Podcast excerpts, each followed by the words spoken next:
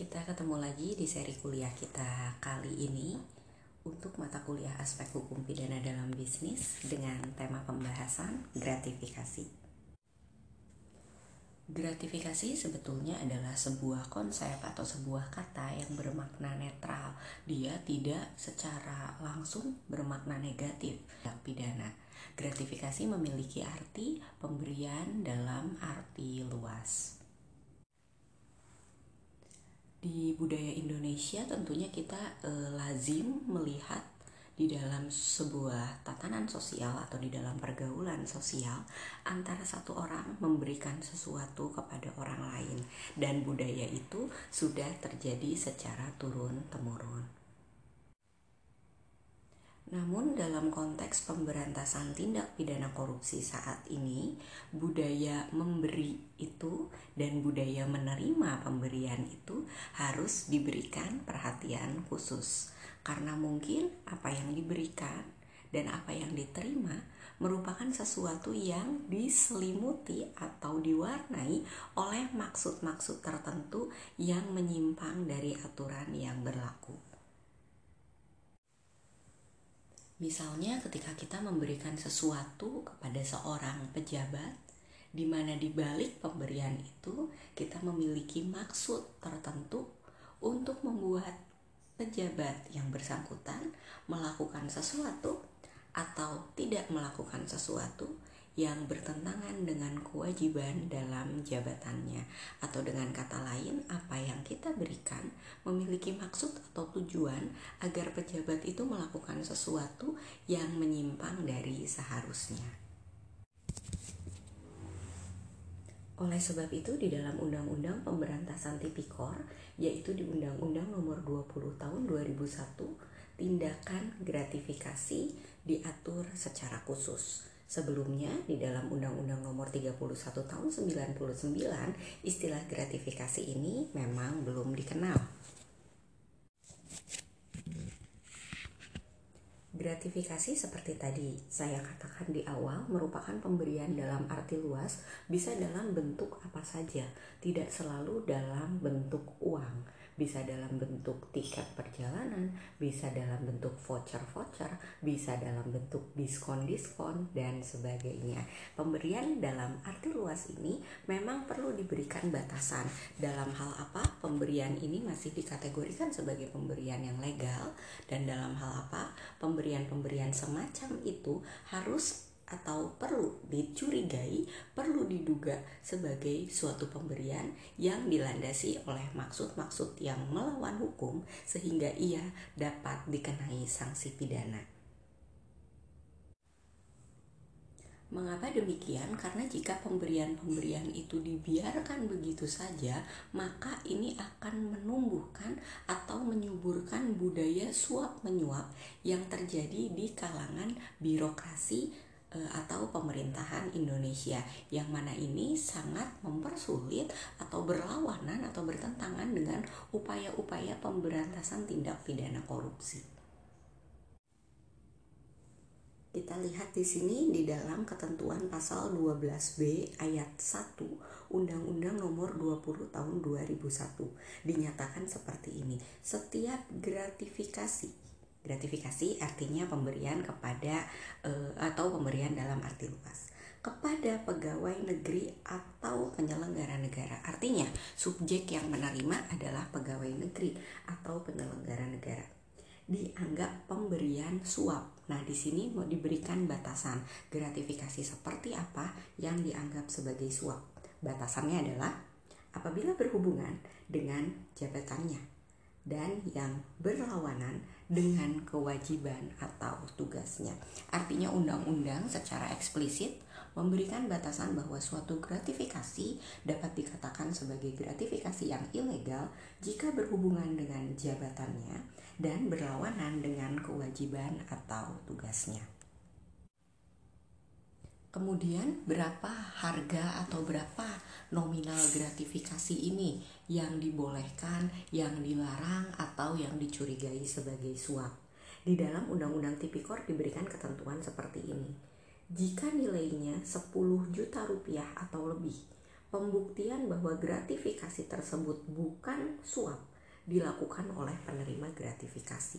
Artinya, di sini yang menjadi e, pembeda adalah proses pembuktiannya, bukan perkara berapa besar seseorang boleh menerima atau tidak boleh menerima suatu pemberian.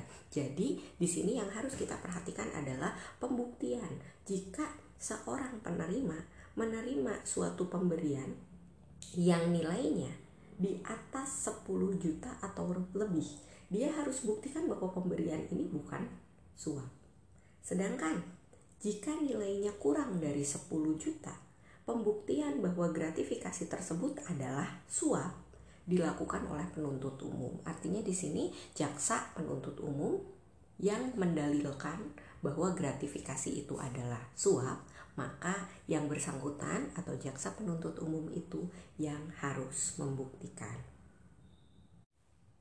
Saat ini modus pemberian gratifikasi juga sangat luas, apalagi dengan dikenalnya berbagai macam transaksi elektronik. Kita mungkin e, tidak bisa atau sulit mendeteksi ketika seseorang, katakanlah si A, memberikan gratifikasi kepada B, yaitu seorang pejabat negara, dengan mengisikan uang elektronik ya katakanlah saat ini terkenal OVO, GoPay, Dana dalam nominal-nominal yang besar di dalam nominal-nominal yang maksimum. Nah, seperti itu. Itu kan pendeteksiannya juga sulit. Dan di undang-undang dinyatakan bahwa gratifikasi yang memang dapat dikenai e, sanksi hukum di sini adalah gratifikasi yang diterima di dalam negeri ataupun luar negeri dilakukan dengan menggunakan sarana elektronik ataupun tanpa sarana Unsur berikutnya yang harus kita uraikan dari pasal tersebut adalah bahwa yang menerima gratifikasi itu adalah penyelenggara negara. Siapa penyelenggara negara? Kita harus melakukan penafsiran dengan melakukan penafsiran sistematis karena di dalam Undang-Undang Pemberantasan Tipikor tidak diberikan definisi yang uh, lengkap terkait dengan arti dari penyelenggara negara. Maka kita harus memperhatikan di sini pasal 2 Undang-Undang Nomor 28 Tahun 99 tentang penyelenggara negara yang bersih, bebas korupsi, kolusi dan nepotisme. Di dalam pasal tersebut dinyatakan bahwa yang dimaksud penyelenggara negara adalah pejabat negara pada lembaga tertinggi negara, lembaga tinggi negara, menteri, gubernur, hakim, pejabat negara lain sesuai dengan peraturan perundang-undangan yang berlaku, duta besar, wakil gubernur, bupati, wali kota. Dan juga perlu diperhatikan adanya pejabat-pejabat lain yang memiliki fungsi strategis sesuai dengan peraturan perundang-undangan yang berlaku. Seperti misalnya pejabat-pejabat pada BUMN, BUMD, pimpinan BI dan sebagainya. Termasuk juga jaksa, penyidik, panitera pengadilan dan pimpinan atau bendahara proyek kemudian juga pegawai-pegawai MA, MK, Kejaksaan Agung, pegawai Bank Indonesia intinya orang-orang yang eh, pada dasarnya mengemban suatu jabatan yang rawan diliputi oleh konflik kepentingan. Oleh sebab itu, kita juga harus pahami konsep dari konflik kepentingan atau konflik of interest itu apa. Konflik kepentingan adalah situasi di mana seseorang, katakanlah dalam hal ini penyelenggara negara, memiliki atau diduga memiliki kepentingan pribadi dari penggunaan wewenang yang dimilikinya. Akibatnya ini akan mempengaruhi kualitas kinerja yang seharusnya.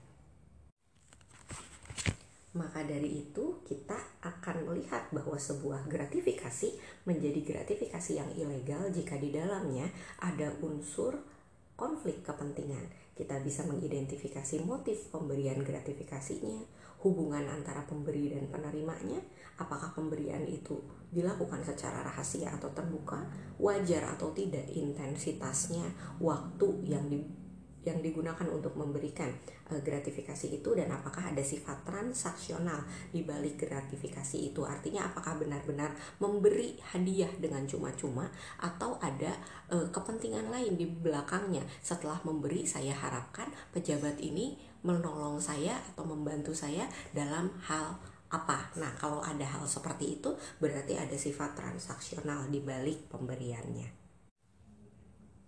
Dan untuk gratifikasi ini ada sanksi pidana diatur dalam pasal 12B ayat 2 yaitu pidana bagi pegawai, bagi pegawai negeri yang menerima bisa pidana penjara seumur hidup atau pidana penjara paling singkat 4 tahun, paling lama 20 tahun, denda dari 200 juta sampai dengan 1 miliar rupiah.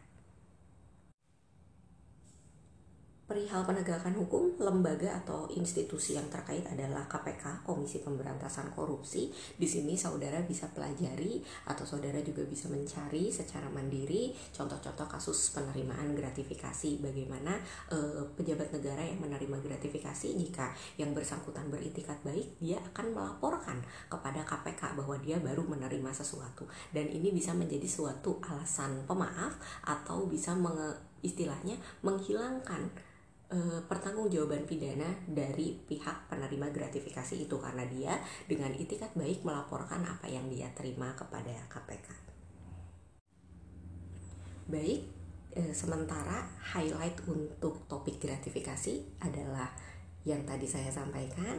Untuk selanjutnya kita akan lanjutkan dengan diskusi di kelas dan saya juga harapkan saudara-saudara semua secara mandiri e, belajar untuk mencari informasi terkait dengan contoh-contoh kasus gratifikasi dan bagaimana penegakan hukumnya. Terima kasih sampai bertemu di seri kuliah berikutnya.